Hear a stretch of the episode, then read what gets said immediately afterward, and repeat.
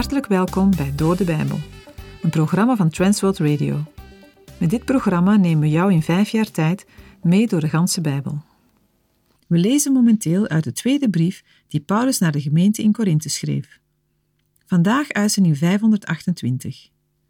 In zijn werk voor de Here maakt Paulus van alles mee. Toch verliest hij de moed niet. Dat komt, zegt hij, omdat hij beseft dat God zelf hem dit werk heeft toevertrouwd. Als u regelmatig naar Door de Bijbel luistert, herinnert u zich nog zeker dat we nog maar net over Nehemia hebben gesproken. Hij was ook zo'n doorzetter, iemand die de moed niet verloor, omdat hij wist dat God hem een opdracht had gegeven. Zowel Paulus als Nehemia lieten zich niet ontmoedigen door wat mensen van hen zeiden. Ze wisten dat ze recht voor God stonden en vanuit die kracht boden ze de tegenstand het hoofd. Wie voor God werkt, krijgt ongetwijfeld te maken met kritiek. En natuurlijk is het goed om te kijken of die kritiek terecht is. We kunnen er zelf immers ook naast zitten. Maar als die kritiek onterecht is, moeten we ons nooit van de opdracht van God af laten houden. Dan mogen we het aan de Heere vertellen en bij Hem weer moed putten om verder te gaan met de taak die Hij geeft. Een van de taken die alle christenen hebben, is om de liefde en heerlijkheid van God bekend te maken. Voor de een is dat ver weg, voor de ander thuis in eigen omgeving. Vandaag lezen we verder over de rijkdommen die christenen hebben gekregen en mogen uitdelen.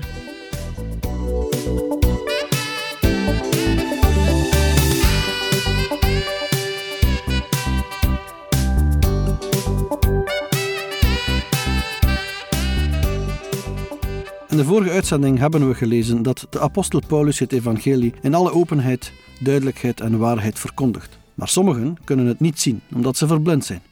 Het is verborgen voor hen die op weg zijn naar de eeuwige dood. De God van deze tijd, de duivel, heeft hen verblind, zodat zij het goede nieuws niet geloven. Zij zien het stralende licht van Christus niet, die het beeld van God is. Christus is opgestaan uit de doden en door God verheerlijkt. Degenen die in hem geloven zullen straks in zijn heerlijkheid delen. Wie Christus en zijn heerlijkheid afwijst, zal niet tot de heerlijkheid van God de Vader komen. In 1 Johannes 5, vers 12 staat: Wie de zoon heeft, heeft het leven. Wie de zoon van God niet heeft, heeft het leven niet. 2 Korinthe 4, vers 5. Want wij prediken niet onszelf, maar Christus Jezus als Heer en onszelf als uw dienstknechten, om Jezus wil. Het evangelie dat Paulus verkondigt straalt werkelijk heerlijkheid uit, omdat daarin de heerlijkheid van Christus wordt verkondigd. En Paulus niet zichzelf predikt, maar Christus Jezus als Heer. Met deze uitspraak wordt beleden dat Jezus Christus na zijn verhoging goddelijke eer heeft ontvangen en dat hij als God moet worden vereerd en aanbeden. Wat hemzelf en zijn medewerkers betreft, zegt Paulus te willen dienen ter wille van Jezus. Meestal omschrijft Paulus zijn positie als dienaar of slaaf, doelos, van Christus. Nu gaat hij een stap verder en ziet zich als een dienaar van de Corinthiërs. Het dienen van Paulus is navolging van het dienen van Jezus.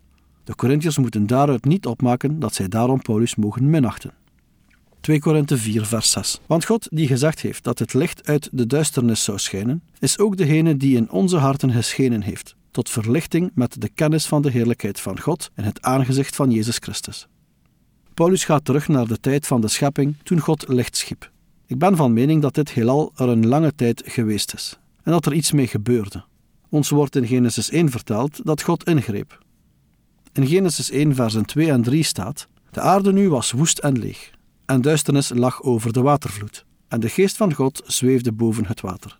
En God zei: Laat er licht zijn. En er was licht. Nu vertelt Paulus ons dat God ook in de duisternis van onze harten heeft geschenen. En ons heeft doen inzien dat zijn heerlijke glans van Jezus Christus afstraalt. Net zoals de geest van God zweefde over de wateren, zo zweeft de geest van God over een ziel. Hij grijpt in om overtuiging aan ons hart te brengen. Vervolgens vernieuwt hij ons. 2 Korinthe 4, vers 7.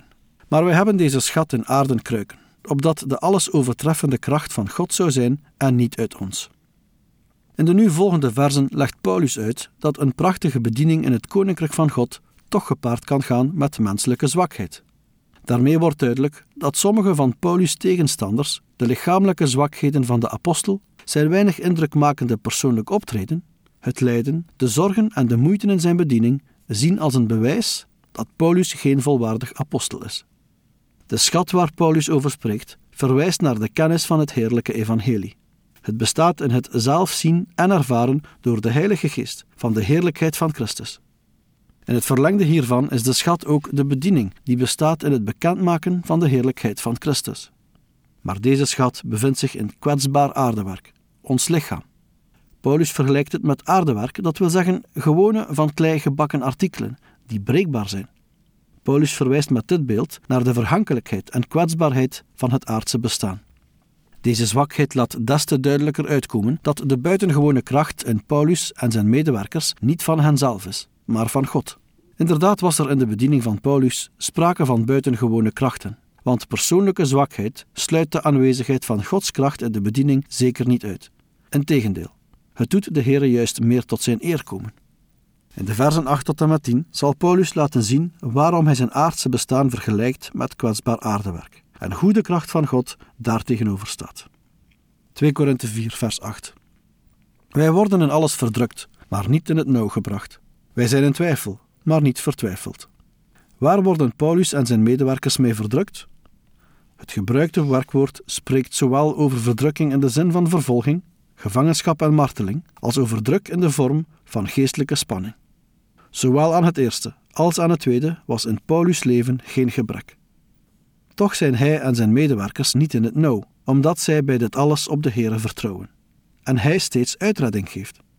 In 2 Korinthe 1 vers 10 had de apostel al geschreven Hij heeft ons uit zo'n groot doodsgevaar verlost, en hij verlost ons nog. Op hem hebben wij de hoop gevestigd dat hij ons ook verder verlossen zal. Toen kwam het ook regelmatig voor dat Gods uitredding niet meteen in zicht was. Daarover schrijft de apostel in 2 Korinthe 1, versen 4 en 5. Daar staat: Geprezen zij God, die ons troost in al onze verdrukking, zodat wij hen kunnen troosten, die in allerlei verdrukking zijn, met de vertroosting waarmee wij zelf door God getroost worden. Want zoals het lijden van Christus overvloedig over ons komt, zo is door Christus ook onze vertroosting overvloedig. Dus steeds is er de innerlijke troost door de kracht van God. 2 Korinthe 4, vers 9. Wij worden vervolgd, maar niet verlaten, neergeworpen, maar niet te gronden gericht. Bij de woorden wij worden vervolgd moeten we denken aan de vele vervolgingen die Paulus, net als de andere apostelen en verkondigers van het evangelie, heeft moeten doorstaan. In 2 Korinthe 11, versen 23 tot en met 31 noemt Paulus een aantal concrete dingen. Daar staat: Zijn zij dienaars van Christus? Ik spreek als een waanzinnige, ik sta boven hen. In ingespannen arbeid veel vaker, in slagen boven mate, in gevangenissen veel vaker, dikwijls in doodsgevaar. Van de Joden heb ik vijfmaal de veertig min één zweepslagen ontvangen. Driemaal ben ik met de roede gegeesteld. Eenmaal ben ik gestenigd. Driemaal heb ik schipbreuk geleden. Een heel etmaal heb ik in volle zee doorgebracht. Op reis was ik vaak in gevaar door rivieren, in gevaar door rovers, in gevaar van de kant van volksgenoten, in gevaar van de kant van heidenen, in gevaar in de stad, in gevaar in de woestijn, in gevaar op zee, in gevaar onder valse broeders, inspanning en moeite, vaak in nachten zonder slaap, in honger en dorst, vaak in vasten, in koude en naaktheid. Afgezien van wat van buiten afkomt, overvalt mij dagelijks de zorg voor alle gemeenten. Als iemand zwak is, zou ik dan omwille van hem niet zwak zijn? Struikelt iemand, zou ik dan niet branden van verontwaardiging? Als er geroemd moet worden, dan zal ik roemen in mijn zwakheid. De God en Vader van onze Heer Jezus Christus, die te prijzen is tot in eeuwigheid, weet dat ik niet lieg. Bij al deze dingen werd Paulus niet in de steek gelaten. Steeds weer zorgde God ervoor dat Paulus de vervolgingen overleefde en zijn werk kon voortzetten. Soms kreeg dit niet in de steek gelaten worden concreet gestalte in een verschijning van de opgestane Heer Jezus Christus aan Paulus. Terug naar 2 Korinthe 4, vers 9. De woorden neergeworpen, maar niet te gronden gericht, refereren aan gebeurtenissen waarbij het leek dat de tegenstanders van Paulus de overhand hadden zoals bijvoorbeeld bij de steniging in Lystra. Als door een wonder overleefde Paulus de steniging. In Handelingen 14 schrijft Lucas over deze gebeurtenis, dat Paulus zo zwaar werd geraakt dat zij dachten dat hij dood was. Daarom sleepten zij hem de stad uit. Maar toen de christenen om hem heen kwamen staan, stond hij op en liep de stad binnen. Toen Paulus in de gevangenis zat, schreef hij aan de Filippenzen: En ik wil dat u weet, broeders, dat wat er met mij is gebeurd, veel eer tot bevordering van het evangelie heeft gediend zodat in het hele gerechtsgebouw en aan alle overigen bekend is geworden dat ik een gevangene ben om Christus wil. Zelfs toen Paulus in de gevangenis zat, kon hij altijd zeggen dat de Heer hem niet had verlaten. Zelfs aan het einde van zijn leven kon de apostel getuigen: Ik heb de goede strijd gestreden. Ik heb de loop tot een einde gebracht. Ik heb het geloof behouden. Menselijk gesproken, gezien de omstandigheden en de situatie, heeft de apostel dikwijls een verloren strijd gevochten. Maar in al zijn menselijke zwakte mocht hij sterk zijn in en door de Heer. Als de mensen naar Paulus keken, dan zagen zij een gewone man. Deze man viel in het niet bij de macht en glorie van het Romeinse Rijk. En toch kon dat grote Romeinse Rijk met al zijn keizers geen stand houden en ging de verkondiging van het evangelie van Christus door. De arena's, vervolgingen en al het geweld van de wereld was niet in staat om de prediking en voortgang van Gods Rijk te breken. De prediking van het evangelie heeft tronen van koningen en keizers omvergestoten. Is het leven van een christen vandaag makkelijker dan toen? Ik zou het woord makkelijker niet willen gebruiken. Het is anders. De vijanden van het evangelie zijn nog steeds dezelfde. Ze hebben wel een ander jasje en gebruiken andere mensen. Maar de brullende leeuw en de engel van het licht zijn niet veranderd. Wees op je hoede en weet dat Satan op het kruis van Golgotha is verslagen. In Colossensen 2, vers 15 staat: Hij heeft de overheden en de machten ontwapend, die openlijk te schande gemaakt en daardoor over hen getriomfeerd. 2 Korinthe 4, vers 10. Wij dragen altijd het sterven van de Heer Jezus in het lichaam mee, opdat ook het leven van Jezus in ons lichaam openbaar wordt. Het lijden van Paulus, dat door zijn tegenstanders wordt opgevat als een bewijs van zwakte en een teken dat hij geen echte apostel is, staat in de lijn van het lijden van de Heer Jezus. Paulus zegt het zo: Wij ervaren dagelijks het sterven van Jezus in ons lichaam. Voortdurend wordt het leven van de apostel bedreigd door dezelfde machten en mensen die Jezus gedood hebben. Hun motivatie is ook nog dezelfde: opstand tegen God en de weigering om door de kruisiging van Christus genade te ontvangen. Het geweld tegen de apostelen en tegen de christelijke gemeente is dan ook uiteindelijk gericht tegen Jezus zelf. En zo dragen Paulus en de gelovigen zijn schande en zijn littekens. Zoals Paulus voor zijn bekering en de vervolging van de gemeente in feite Jezus vervolgde, zo is het nu ook met zijn eigen vervolging. Maar zo komt ook het leven van Jezus in hem tot uiting. Dat wil zeggen dat het opstandingsleven van de Heer Jezus nu al in het leven en lichaam van de apostel Paulus zichtbaar wordt, doordat de Heer hem uit vervolgingen redt. Bij de toekomstige opstanding uit de doden zal dit opstandingsleven volmaakt worden. De Heer Jezus zegt tegen zijn volgelingen in Johannes 16, vers 33: Deze dingen heb ik tot u gesproken, opdat u in mij vrede zult hebben. In de wereld zult u verdrukking hebben, maar heb goede moed.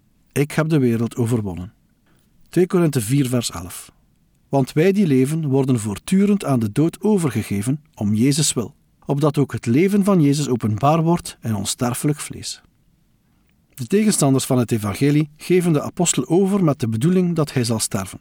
Maar dan blijkt steeds weer hoe sterk het leven van Christus in het lichaam van een gelovige zichtbaar wordt. 2 Korinthe 4 versen 12 tot en met 14. Zo is dan de dood werkzaam in ons, maar het leven in u.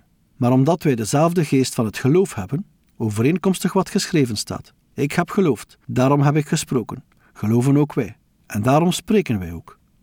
Wij weten immers dat Hij die de Heere Jezus opgewekt heeft, ook ons door Jezus zal opwekken en samen met u voor zich zal stellen.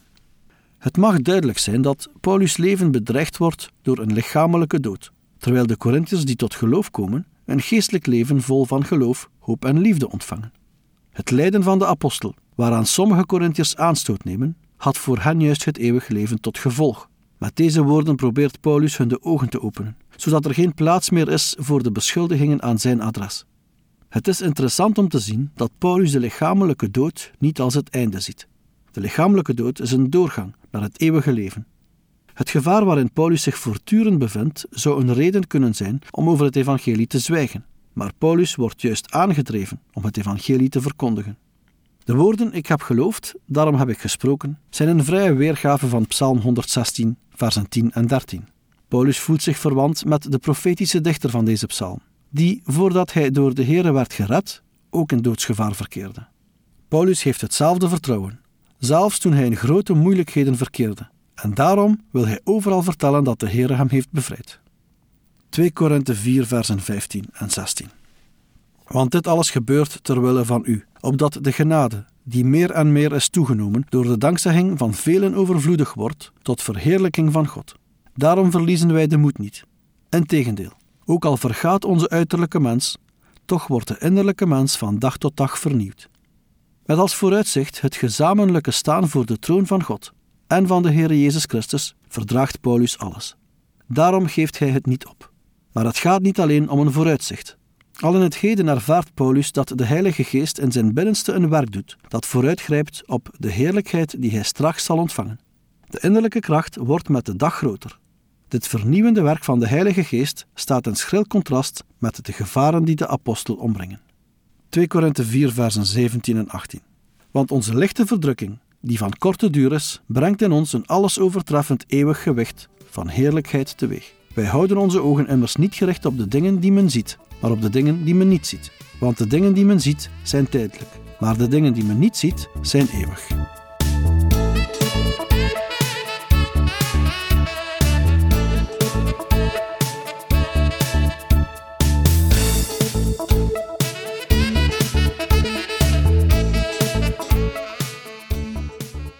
Geluisterd naar Door de Bijbel, een programma waarin we in vijf jaar tijd de ganse Bijbel bespreken.